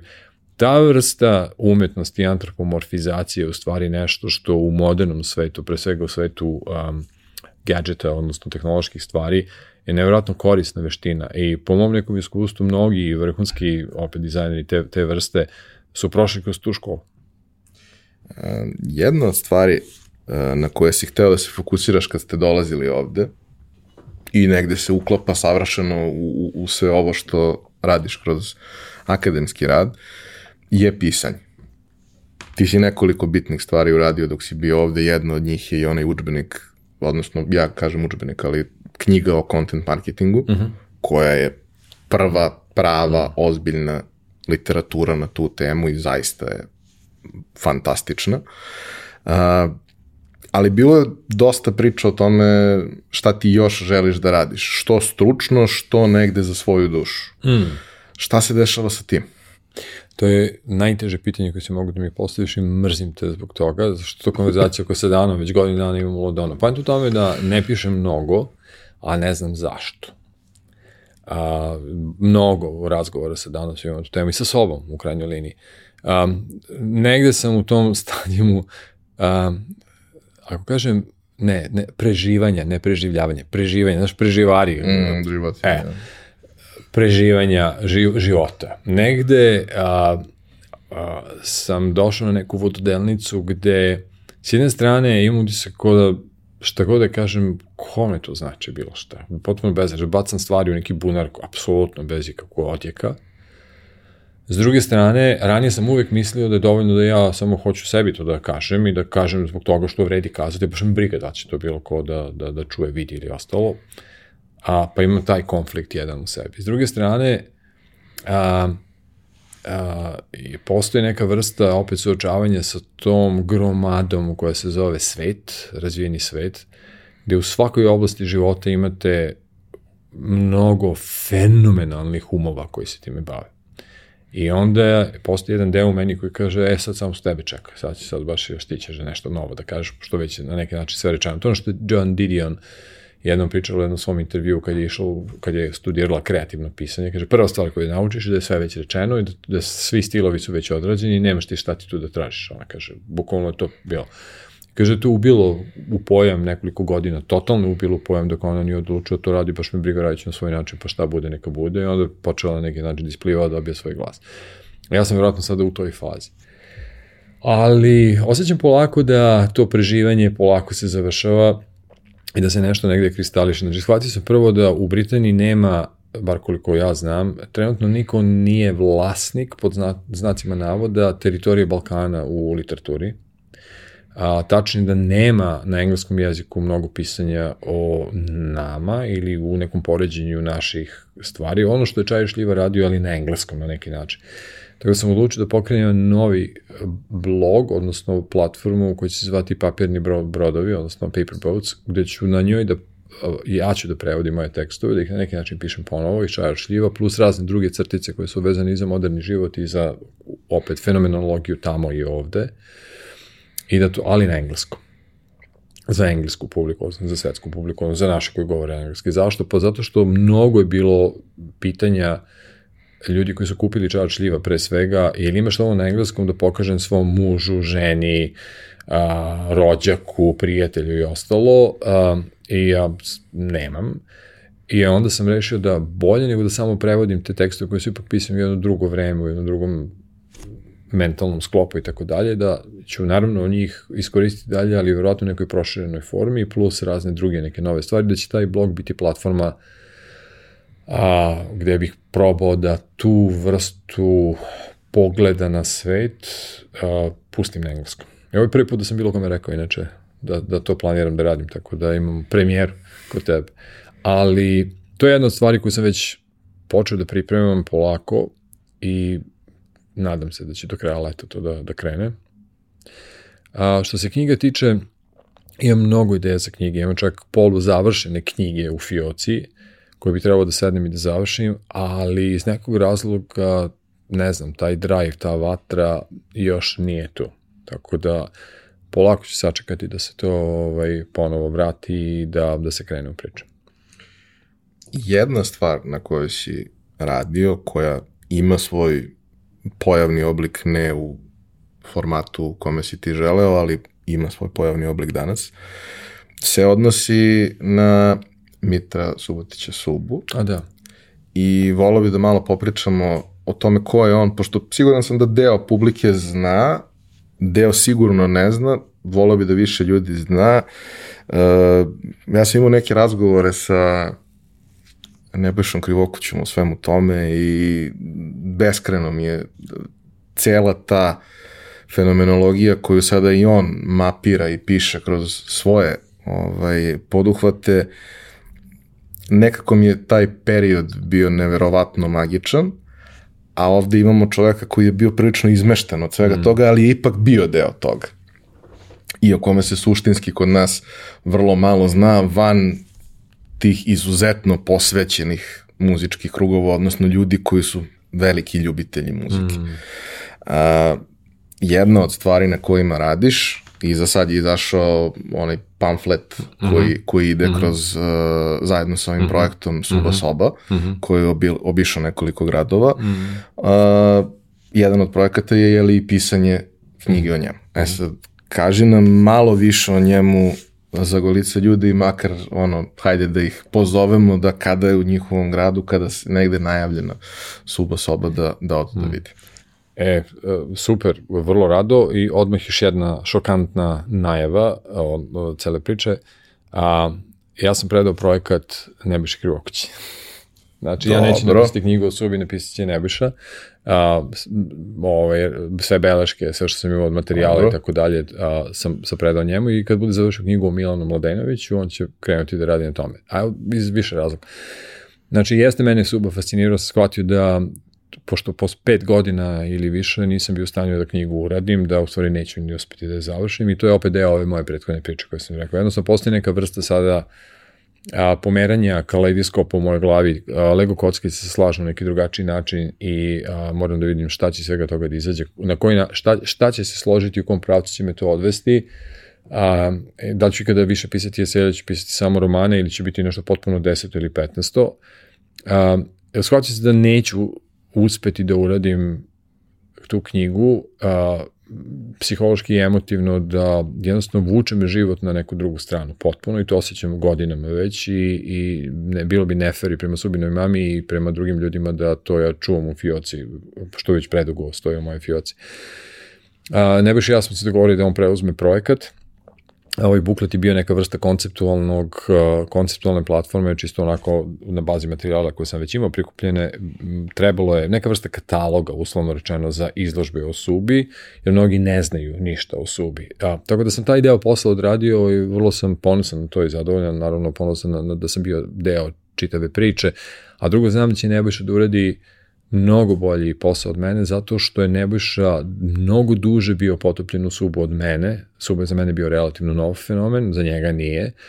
On je uradio sva moguće istraživanja koje su mogla malo da su uradi, sem intervjua sa učesnicima, ja sam opet uradio dosta tih intervjua već, tako da on taj deo već ima dosta pokriven. I da će on uh, zbog te svoje strasti prema Subi već uspeti da, da uradi mnogo bolji posao. Meni je Sub bio pre svega zanimljiv, ne samo kao, kao muzički genije s naših prostora, nego je bio zanimljiv kao druga strana cvećarnice u kući cveća. Alan Ford, izvinjam se. Alan Ford je strani kulturni proizvod koji je postao naš, a Suba je naš kulturni proizvod koji je postao brazilski.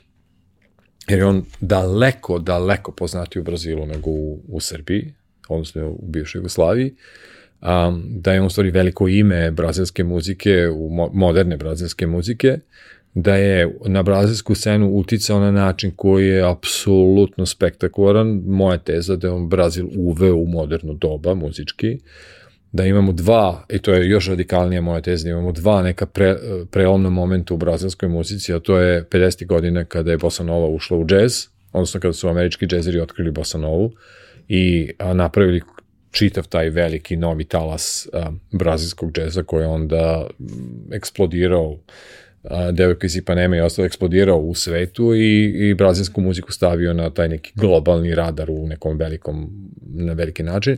I subina faza gde je Suba brazilsku muziku uveo u elektronsko doba. Jer po svim intervjuima sa učesnicima iz tog vremena, svi su rekli da niko nikada ništa slično nije radio tamo, u Brazilu slično, da oni u stvari nisu imali dobre moderne producente, su imali rock producente i nešto jazz producenta.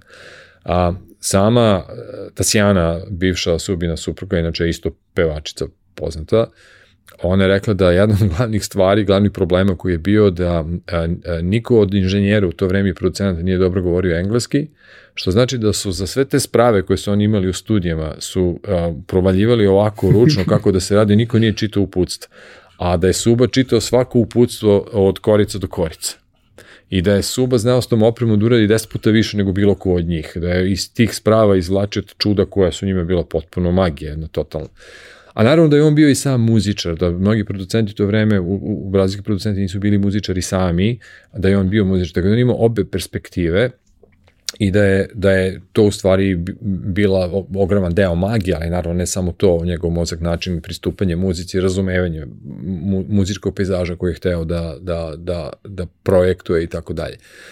I um, znači Suba je e, verovatno uz Bregovića, istorijski gledano verovatno je od najpoznatijih muzičkih imena naših muzičkih imena na polju, u pop, govorim o popularnim muzici, modernim, govorim o klasičnim muzičarima, a, svih vremena. Sada imamo Anu, ja uvijek sam dislektičan, sam Popović. Popović ili Petrović? Pa, Popović. A, ko, naravno i još nekoliko njih koji koji, koji to rade, ali Suba je u to vreme pre njih bio u Brazilu apsolutno masivan. A, jedan deo jedna priča koju nisam uspeo još da proverim, a ne će sigurno proveriti, je da je nažalost u to vreme kada, kada se desio incident, kada je on faktički umro, nakon što je samog završetka uh, uh, Sao Paulo Confessions album, po kome ga inače mnogi znaju u svetu, uh, da je album do te mere bio re, udario lju, slu, moderne slušalce, moderne muzičare globalno, da je čak bila priča o tome da je Madonna planirala da je on njoj producira taj njen sledeći album u to vreme i nažalost zbog tragi, tragi, tragedije koja se desila, onda je William Orbit je bio producent na tom njenom opet poznatom albumu. Znači, to govori o njegovom statusu u, u, u muzičkom svetu. On je bio veliki inovator koji je uspevao da tehnologiju um, u muzici, da tehnologiju učini da zvuči organski. Znači, ne na Kraftwerk, očigledno elektronski, regimentirani robotski način, a ne kao ni rave koji u sebi dalje ima tu robotsku repetitivnost i ostalo. On je, on je pravio jako organsku, ljudsku, humano, humanu muziku koristeći ogromnu količinu elektronike elektronske efekte. To je bila neka njegova magija. Uvijek je bilo nešto elastično, on je, on je, on je u njegovim rečima rekao, ja volim da muzika, kaže, se uvija ko zmija, kad je da, da se ljulja. A to je u stvari pokupio iz Pulsa, zato što je njegova, moja, moja podnaslov knjige je bio, naslov bio Dreambird po njegovom uh, albumu, a u podnaslovu potrazi za pulsom sveta. Jer nije on toliko jurio zvukove, koliko jurio pulseve. A najstariji ritmički puls na svetu je taj afrički tri iznad dva polita, sad bubnjar iz mene priča, tri iznad dva poliritam, postoje jedna poznata globalno poznata baza ritmička 3 iznad 2 koji nije regularan ritam, nego postoje dva ritma koji se preklapaju tako da zajednički elementi toga daju tri udarca iznad dva udarca. I to je jako čudan osjećaj pravi što se tiče feelinga, što se tiče samog pulsa, percepcije pulsa, ljulja, što bi se reklo u, u, u genima već uh, tog izraza. E sad što se desilo je da kako su robovi iz Afrike tokom atlantske trgovine robljem, u stvari najveći broj robova je završio u Brazilu. Oko 50% ja mislim robova je završilo ukupno u Brazilu, a oko ja mislim 80% je završilo na Karibima ukupno, Južna Amerika, a vrlo mali procent stvari završio u Americi, ali to je najvidljiviji deo za koji mi znam. I kada su oni ostali na tom delu, mi smo date dobili dve vrlo specifične kulture, dobili smo brazilski latino i dobili smo afrokubanski latino a, zahvaljujući istim tim robovima. I onda su oni taj afrički puls odneli tamo i onda, izvinjam se, ovo je malo duže priča, ali nemoguće mm. razumeti bez toga. Latinoamerička muzika ne funkcioniše na istom pulsu kao zapadna muzika. Zapadna muzika ima 1, 2, 3, 4. Nekad ima 5, pa on to kao eksperimentacija, ali uglavnom 1, 2, 3, 4. Sva muziku koju mi slušamo mi brojimo na 1, 2, 3, 4. Latino nema to. Oni nemaju ravni puls, oni imaju nešto se zove klaves, a to znači a, pet udaraca koji su raspoređeni na malo različite načine. Već je bazični a, puls je sinkopiran sam po sebi. Zato ona ljulja toliko. E, Suba je jurio taj za, najmanji zajednički sadržalac tog primalnog pulsa koji ljude potpuno nesvesno počinje da pomera, da ljulja. To je najprimalniji neki jezik tih starih, a, starih kultura koji otprilike funkcioniše na kompletnom nekom ljud, univerzalnom ljudskom nivou. I to je po meni bila neka njegova velika potraga i to je ono što on stalno pokušavao da da upari sa svim ostalim što je radio i onda naravno nad svojim projektima je pokušavao da u velikoj meri, po modernim projektima računam Rošaha kad je otkrio Satija i ostalo, a, je pokušavao da, da, da spoji taj puls sa recimo brazilskim i elektronskim intervencijama. Uh, I zbog toga ta muzika zvuči toliko humano i zbog toga je on toliko drugačiji od mnogih drugih elektronskih producenata ili modernih producenata. Sve je to proizvelo jednu veliku revoluciju u brazilskoj muzici. A, bilo je, ne znam da li ta, dalje tačno, ali dugo vremena a, a, Bebel Gilberto, a, njih, njen album koji je on producirao, je dugo vremena, ako i dalje nije, ne znam, je bio najprodavaniji album bri, br, nekog brazilskog umetnika u inostranstvu, van Brazila mnogo godina. Tako da, očigledno je Suba jako dobro znao šta radi. E, meni je ta priča bila fascinantna, se vratim na sam početak, zato što kod nas niko ne zna za Subu. Skoro niko ne zna. Mali broj konosera na ulici, niko pojma nema ko je Suba. A, čak ja u Londonu nisam znao ko je Suba, ja sam znao za Rex Iluzivi, iz tamo 80. godina kada je Sloba Konjević to puštao, ali nisam nikada tu vezu napravio, nego slučajno odem na večeru kod prijatelja nekih, odemo dana ja i idete muzika, kaže, što je dobro, ko šta je ovo, kaže, pa, a, znači, Vana Goblo koja je naša novosađenka, koja prede na Goldsmica isto, ona kaže, pa to je naš suba, novosađen. I cela priča krene tako, pre mnogo godina otkrijem subu, slučajno, potpuno. Mislim da je to vrlo loše, da mi ne znamo ko je suba i šta je suba i šta je suba bio u stvari. Uh, da mi ne, ne odajemo veće priznanje njemu, da mi nemamo u, Brazi, u Sao Paulo je postoje jedno vreme Suba in, muzički institut, mislim da i dalje postoji, da mi nemamo ništa vezano, da mi nemamo Suba uh, stipendiju, da mi da, nešto što će trajnije, dublje i jače obeležiti njegov uticaj koji on ima u svetu, a odavde poteko iz Novog Sada. Hvala ti što si ovo podelio I što si mi rekao da, da si prebacio to na Nebojšu, pa ću ja sad njega da gazim. Da. Ovaj, običao sam da neću da ga diram dok ne završi ovu knjigu na kojoj sad Jest, radi, jest. ali ovaj, kad završi, eto, prilike za, za dosta nekih razgovora. Mislim, imali smo dve zaista predivne epizode i mislim, tad smo obećali da će ih biti još, Da. sad ima dosta razloga Ne, za baš je pravi čovjek to. Apsolutno. Mislim, ta količina posvećenosti je neverovatna.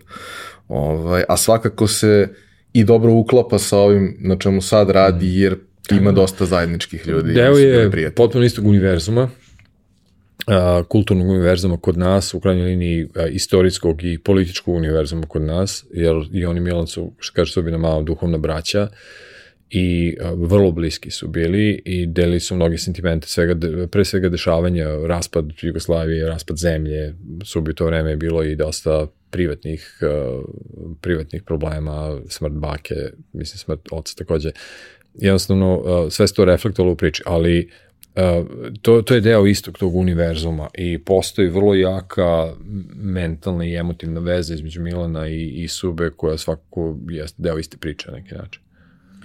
Ono što te nisam pitao do sada, volao bih da se time na kraju ovog razgovora bavimo, ovaj, je kako ti vidiš svoju trenutnu poziciju i koliko si zapravo zadovoljan urađenim eh, što se tiče tog procesa od desetak godina koji je bio sa ciljem da se vaši životi, vaše karijere preokrenu za određeni procenat i usmere na neke druge stvari.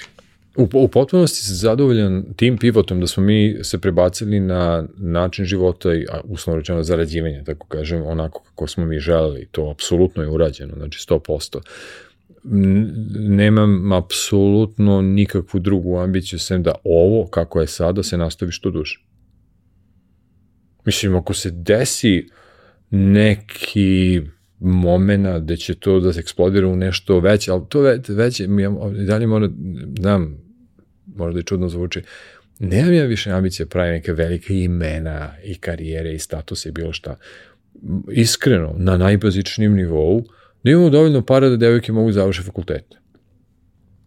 Što, hvala Bogu, u principu je okej. Ali van toga, da možemo da odemo neke lepo, bazičan, miran, jedan miran, bazičan život, to je sve što trenutno nama, nama treba. Znači, a, zvuči razočaravajuće možda za neke ljude, ali a, bilo kakva statusna ispunjenja više ne, ne, nisu mi na radaru uopšte. Finansijska u velikoj meri sem bazične finansijske sigurnosti za porodicu u narednih pet godina ili tako, van toga ne nešto mnogo. Ako se desi, ok, ali apsolutno ništa u našem životu se ne bi promenilo ništa. Do ovog trenutka neko dođe sa milion dolara, bi da mi da milion dolara. Ništa, ništa, ništa. Isto bi se oblačili, istu hranu bi jeli, u, na istom mestu bi stanovali, isto bi putovali, možda mrvicu malo više, ali ne mnogo. Ništa se u našem životu ne bi promenilo. I taj moment stabilnosti je fantastičan. Ne, nema, vrlo budistički moment. Nemaš neke velike želje, svet je potaman i imaš utisak kao da si ti dva džaka cementa spala s leđa. Da, kao da si spustio ovaj, broj obrtaja, jel? Pa zanimljivo je, intelektualno dalje, e, zanimljivo me razne stvari intelektualno. Na negde osjećam da, da mašina se vrti solidno iz ugla intelektualne radoznalosti. Što se tiče onoga što obično nazivamo karijerno ili ta, taj da idiotski izraz uspeh ili ostalo, tu apsolutno obrtaji su mali. Kaži mi, kako ti vidiš svoju ulogu na ovom tržištu ovde, pošto si i dalje prisutan s vremena na vreme. Mm. Da, to je, to je dobro pitanje, teško mi da njega odgovorim. A, mislim da su od mene najviše vrednosti ovde dobili. Prvo da fakultet sa kojim se rađujem i dalje izvaredno, imamo tu fantastičnu saradnju i razmenu, to se trudim da, kaže, budem deo njihove pro, pro, priče, prosvećene priče i, i, i ponude fakulteta koja je vrlo redka ovde, jedinstvena na našem tržištu i u regionu. Um, neki malo više prosvećeni klijenti, ja mislim su od mene dobili više dok sam bio ovde, pre svega kroz interne ove naše treninge koje smo radili, kroz a, treninge za promenu, odnosno transformaciju njihove marketinške funkcije i razmišljanje uopšte tome šta je, koja je uloga marketinga za njih i šta je moderni, moderni marketing i ostalo. Mislim da su neki prosjećeni klijenti, uglavnom su veći klijenti, moram da priznam, da je bilo i nekoliko manjih klijenta koji su ušli u tu priču, a, su dobili neku vrednost od mene, zato i povremeno i dalje radimo, ali nisam siguran, ne, ja ne mogu da merim, ja nisam dobro, prvo nemam podatke, nemam evidenciju, da ja izmerim na koji bilo koji drugi način sam ja imao bilo kakav drugi impakt, odnosno uticaj kod nas. Da, više mislim na koji način bi voleo i želeo da u narednom periodu ovde budeš prisutan, pošto svakako nisi prisutan svakodnevno. Da, na iste načine, kao, na iste načine kao do sada. To je a, da, a to je da nekome ko, ko razmišlja o tome šta i kako postaviti rast firme, odnosno pre svega promeniti marketičku funkciju za moderno dobu, pomognem da, da, da im objasnim kako otprilike to mogu da urade. A, u granicama etike, naravno, ukoliko su firme koje se bave stvarima koje nisu, za mene bar, etički problematične.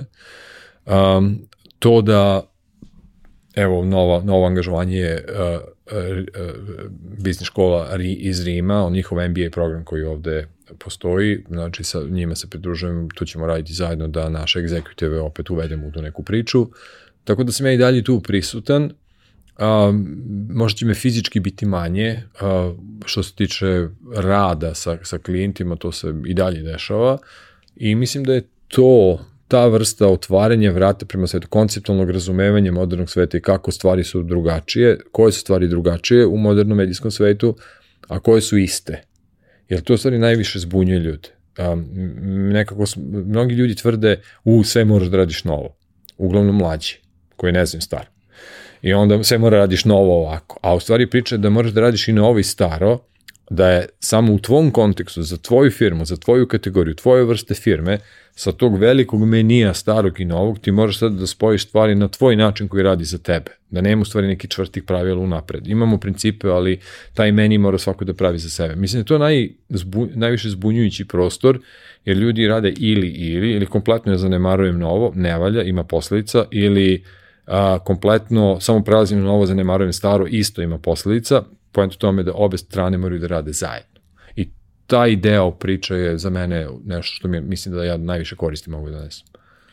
Uh, jedan od projekata na kojima na kojim radiš uh, u, u slobodno vreme se bavi ovim o čemu smo pričali, a to je zapravo jeli, etika u, u marketingu, um, koje svakako nema dovoljno, što vidimo svakodnevno i kroz advertising, ali što definitivno mnogo više vidimo kroz sve ovo ostalo što se dešava planeti, o mm. čemu smo malo pričali.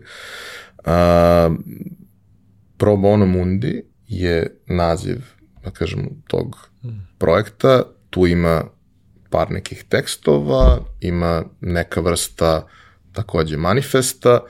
Uh, TED, TED predavanje. TED Talk koji je, koji je nedavno bio, koji, koji si mi poslao, koji je fantastičan. Ovaj, E sad, uh, naravno, koga bude interesovalo, izgooglat će, otići će, naći će uh, svaku od tih stvari, ali bih voleo da malo uh, pojasniš kako si ti zamislio to, odnosno kako ste vi, pošto vas je više, mm -hmm. ovaj, kako ste zamislili da to funkcioniše i šta treba da bude um, output sa vaše strane i šta je neka željena reakcija. Da. Da, to je, to je vrlo dobro pitanje i mi smo tu potpuno realni, odnosno realisti smo na tu temu. To znači da dugačak put je pred nama, vrlo dugačak. Mislim, trenutno ne samo kod nas, i u svetu se, posebno u advertising svetu, apsolutno nema razgovora na tu temu. Apsolutno. Malo se priča o sustainability, održivosti, i onda šta to znači, recimo u medijskom svetu, pa evo znači kako ćemo da smanjimo uh, ugljen dioksidni uh, otisak uh, medijskih servera, da prelazimo na sajtove koji imaju manji, skoro sam bio na, na jednoj konferenciji u Londonu, manji CO2 uh, uti, otisak po recimo serviranom baneru ili slično. I onda se medijski plan sada pravi tako da se povlače iz sajtova koji imaju velike rasipničke ovaj, tako, emisije na sajtove koji i dalje u okviru iste ciljne grupe, na sajtove koji imaju manje. I tu uh, pokušavaju razne stvari da rade ljudi. Ja, recimo, Ogilvy agencija u Londonu nedav, ne nedavno, prošle godine, rekla više ne radimo sa influencerima koji photoshopiraju svoje slike. Znači, ako ti praviš da si lepši, zgodniji, vitki i ostalo na svojim slikama, nećemo raditi sa tobom zato što je to nerealno iskrivljavanje stvarnosti, potpuno daješ nerealnu sliku onoga što živo treba da bude svojim publikama, mnogi mlađe pre svega koji nemaju tu emotivnu zrelost, misle da tako treba da bude, ulaze u stravične anksioznosti. Um, najveći procen, 80% pacijenata u klinikama za tehnološke zavisnosti koje niču po, po razvijenom svetu svuda su mladi u stvari. I anksioznosti među tim generacijama su stravične. Ne samo zbog godišta kad si u pubertetu ti si anksiozan kako god okreneš na razne stvari, nego pojačano, drastično amplifikovano onime što se dešava i što vide u društvenim mrežama. To su najčešće potpuno nerealni životni stilovi, jer svako sedi na nekom Ferrariju, svako sedi sa nekim super zgodnim partnerom na egzotičnoj lokaciji, to je normalan život. I mnogi pate zato što nemaju taj normalan život. Ne shvatiti, u stvari nije nikakav normalan život, nego potpuna laž jedna koju oni kupuju kao normalan život. Znači, može agencija to da urede, kaže neću da radi više sa onima koji jednostavno su, prezentiraju fake život. I to su sjajni potezi, to su dobri potezi, jedini problem tome što je to malo u odnosu na sve ove druge stvari koje se dešavaju, jer sve ono što izlazi iz industrije, taj ukupni output je u mnogo, mnogo većoj meri obrnut od toga i plus naravno sama priča o konzumerizmu i potrošnji potpuno nesvesnoj, beslovesnoj, potrošnji bez ikakvog razmišljanja o tome, a šta će biti sutra. A, I to je, to je u stvari veliki problem. A, ja, moja ideja, ja sam želao da godinama sam imao to u Fioci, onda sam krenuo s time, Paul Kitkat, moj bivši kreativni direktor, je vrlo ljubazno odlučio da mi se priloži kao partner u priči i još nekoliko dobro mislećih ljudi koji, koji misle isto to i ne plaše se da izađu javno sa time, što je zanimljivo da čak i tamo ljudi se plaše da izađu javno sa podrškom, jer na neki način kažu svojoj agenciji ja sam protiv ovoga što agencija radi, a to u sledećoj rundi otpuštanja to možda bude vrlo, vrlo nezgodna stvar. Naš ključni cilj je da uopšte počne o tome da se priča. Da dođe samo na radar uopšte. Da, da dvoje ljudi ovog meseca, recimo nešto pomenu temu, pa do kraja godine da ih bude 10 ili 15. To je bukvalno toliko je nizak naš cilj. Jer kad smo lansirali blog, a i on je bio, posle, malo je čutao kao posljedica mogu nekog čutanja i preživanja, ovaj, i on treba da se sada reaktivira, ovaj, a kad smo lansirali blog i krenuli da radimo, dosta mi se ljudi javilo, pre svega na LinkedInu, ali direktnom, direktnom komunikacijom, da kažu da se 100% slažu i oni to isto misle i da imamo svu našu podršku, ali samo dvoje javno to rekli. Tako da a, hoćemo da probamo da stavimo to na radar, da, makar vi, da se makar, makar malo normalnije o tome priča, iako je odgovor na pitanje šta to može da se uradi realno, trenutno prilično mali. Mislim, moj odgovor je bio da napustim industriju, napustim London, kompletno promenim karijeru i ostalo. Koliko ljudi to može da uradi? Vrlo malo. Umeđu vremenu plate moraju da se zarađuju, deci moraju da se plaći škole, garderoba, porodica mora da jede i sve ostalo, a kad je neko sjajan copywriter, nemaš mnogo stvari da menjaš tu da bi odjednom promenio postao nešto drugo.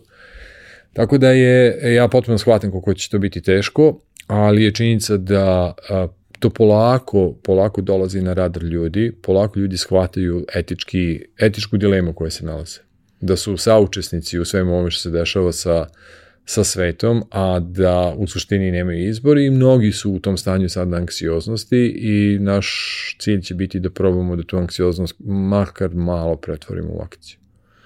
E, skoro je ovaj, kod Galeb u jednoj epizodi bio gost koji je pričao na temu mikroplastike i koliko Tako zapravo je. plastike ima svuda koje je mm. ispod vidljivosti mm. ovaj, za sve nas i taj moment kad čovek kaže uh, prosečna osoba na nedeljnom nivou konzumira 3 grama plastike. Kao, to je jedna kreditna kartica. To je jedna kreditna da, kartica. Tako je. Ok. Da. I, ok, tako je. to je sve na mikronivou mm. i mi ni ne znamo, ali to i jeste problem što mi zapravo mm. nismo svesni toga i ne. nismo svesni na koji način to sve menja Informacija je jedna, jedna stvar, ali mi smo shvatili i napolju, recimo, gde je mnogo više se na tome radilo nego kod nas, da informacija nije dovoljna. Da tih informacija mnogo, mnogo imaš. Zaista na svakodnevnom nivou i na BBC-u i na Guardianu i na mnogim drugim takozvanim prosvećenim ovaj, medijima naćemo neke informacije na desničarskim ovaj, popularnim a, novinama i portalima, ali ne toliko, pošto uglavnom sede na strani velikih biznisa, ali uglavnom ovim drugim, centralnim i malo više levo, mnogo se o tome priča. Znači, nije toliko, informacije su tu, možda i bude više, naravno, Druga je barijera, mnogo veća, nije da ljudi ne znaju, nego oni ne znaju šta da rade umesto toga. Znači, šta ja da radim, naviko sam na komfor, naviko sam da mi plastična flaša bude, što je neko jednom reče coca na distributivna strategija, da nikad ne bude dalje od tebe od dužine tvoje ruke. Naviko sam da mi flaša bude tu, uvek plastičan, kako god mi treba. I sad nositi moj termos od kuće mi je smaranje. Ta reč smaranje je ključna barijera.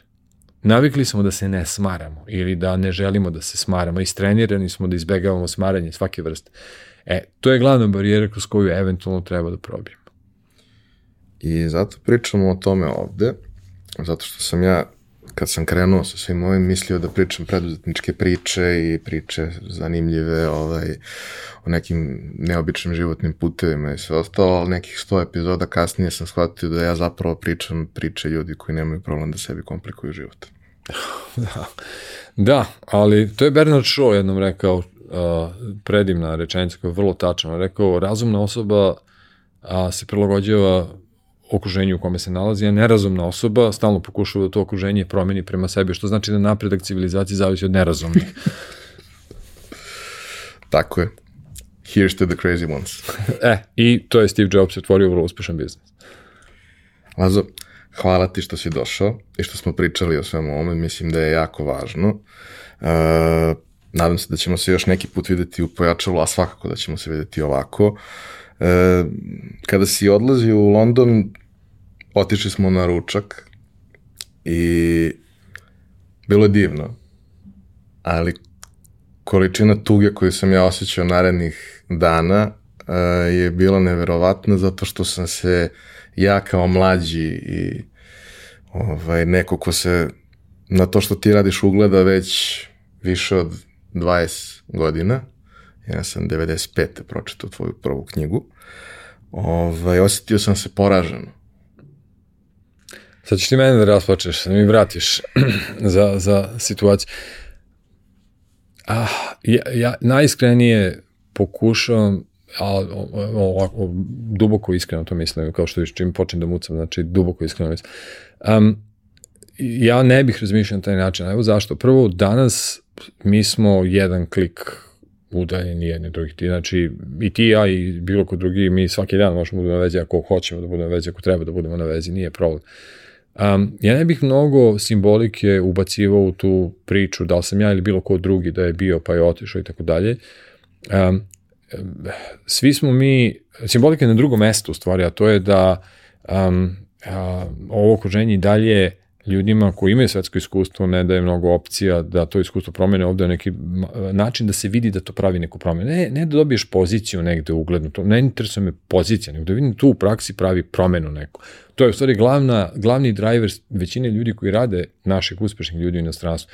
Ne zanima njih ovde dođe da bude direktor instituta da bi bio direktor instituta, nego da to svoje znanje primeni u praksi da vidi da se to nešto menja u, u, u praktičnom životu ove zemlje. Um, taj ideja u stvari, ja mislim, mnogo tragični. Ne, ovi, ne, ne zato što neko odlazi, nego zato što sve ovo staro ostaje. A, mi smo tu i dalje dostupni, voljni, raspoloženi. Ja moram da kažem da i dalje dolazim, odrađujem moje treninge i radionice i ostalo. Evo sad 18. imam radionicu dan pred odlazak u London i a, mislim da će se to i nastaviti. Uvek postoji ti neki džepovi a, prosvećenih biznisa, odnosno organizacija, ne samo biznisa, znači ja pomažem i nevladnim organizacijama, malim nevladnim organizacijama kako da isteniraju svoje članove koji od njih dobiju grantove, da recimo rade bolje u komunikacijnom strategiju. Znači, skoro sam imao, na predavanju bilo je 15 lokalnih iz Srbije NVO-ova, kako praviti komunikacijnu strategiju, kako bolje da pričaš to što radiš u lokalnoj sredini, u Valje, u Loznici, u Smedru, kako bolje da ispričaš tu svoju priču na lokalnom nivou. Znači, mnogo je način na koji se može pomoći, ja i dalje pokušavam to da radim i negde zaista ću biti tu i pokušavam da ostanem tu kako god je moguće. Ja mislim, više treba da bude žao zbog lokalnih dešavanja nego zbog ovog drugog. A ti ja smo uvek na vezi. Slažem se. Hvala ti puno još jednom. Hvala vama što ste nas slušali. Nadam se da vam je bilo interesantno, mada ne nadam se, siguran sam da vam je bilo. Komentare, sugestije, pitanja ostavite na za to predviđeno mesto na YouTube-u. To bi bilo to za ovu nedelju. Vidimo se ponovo naredne.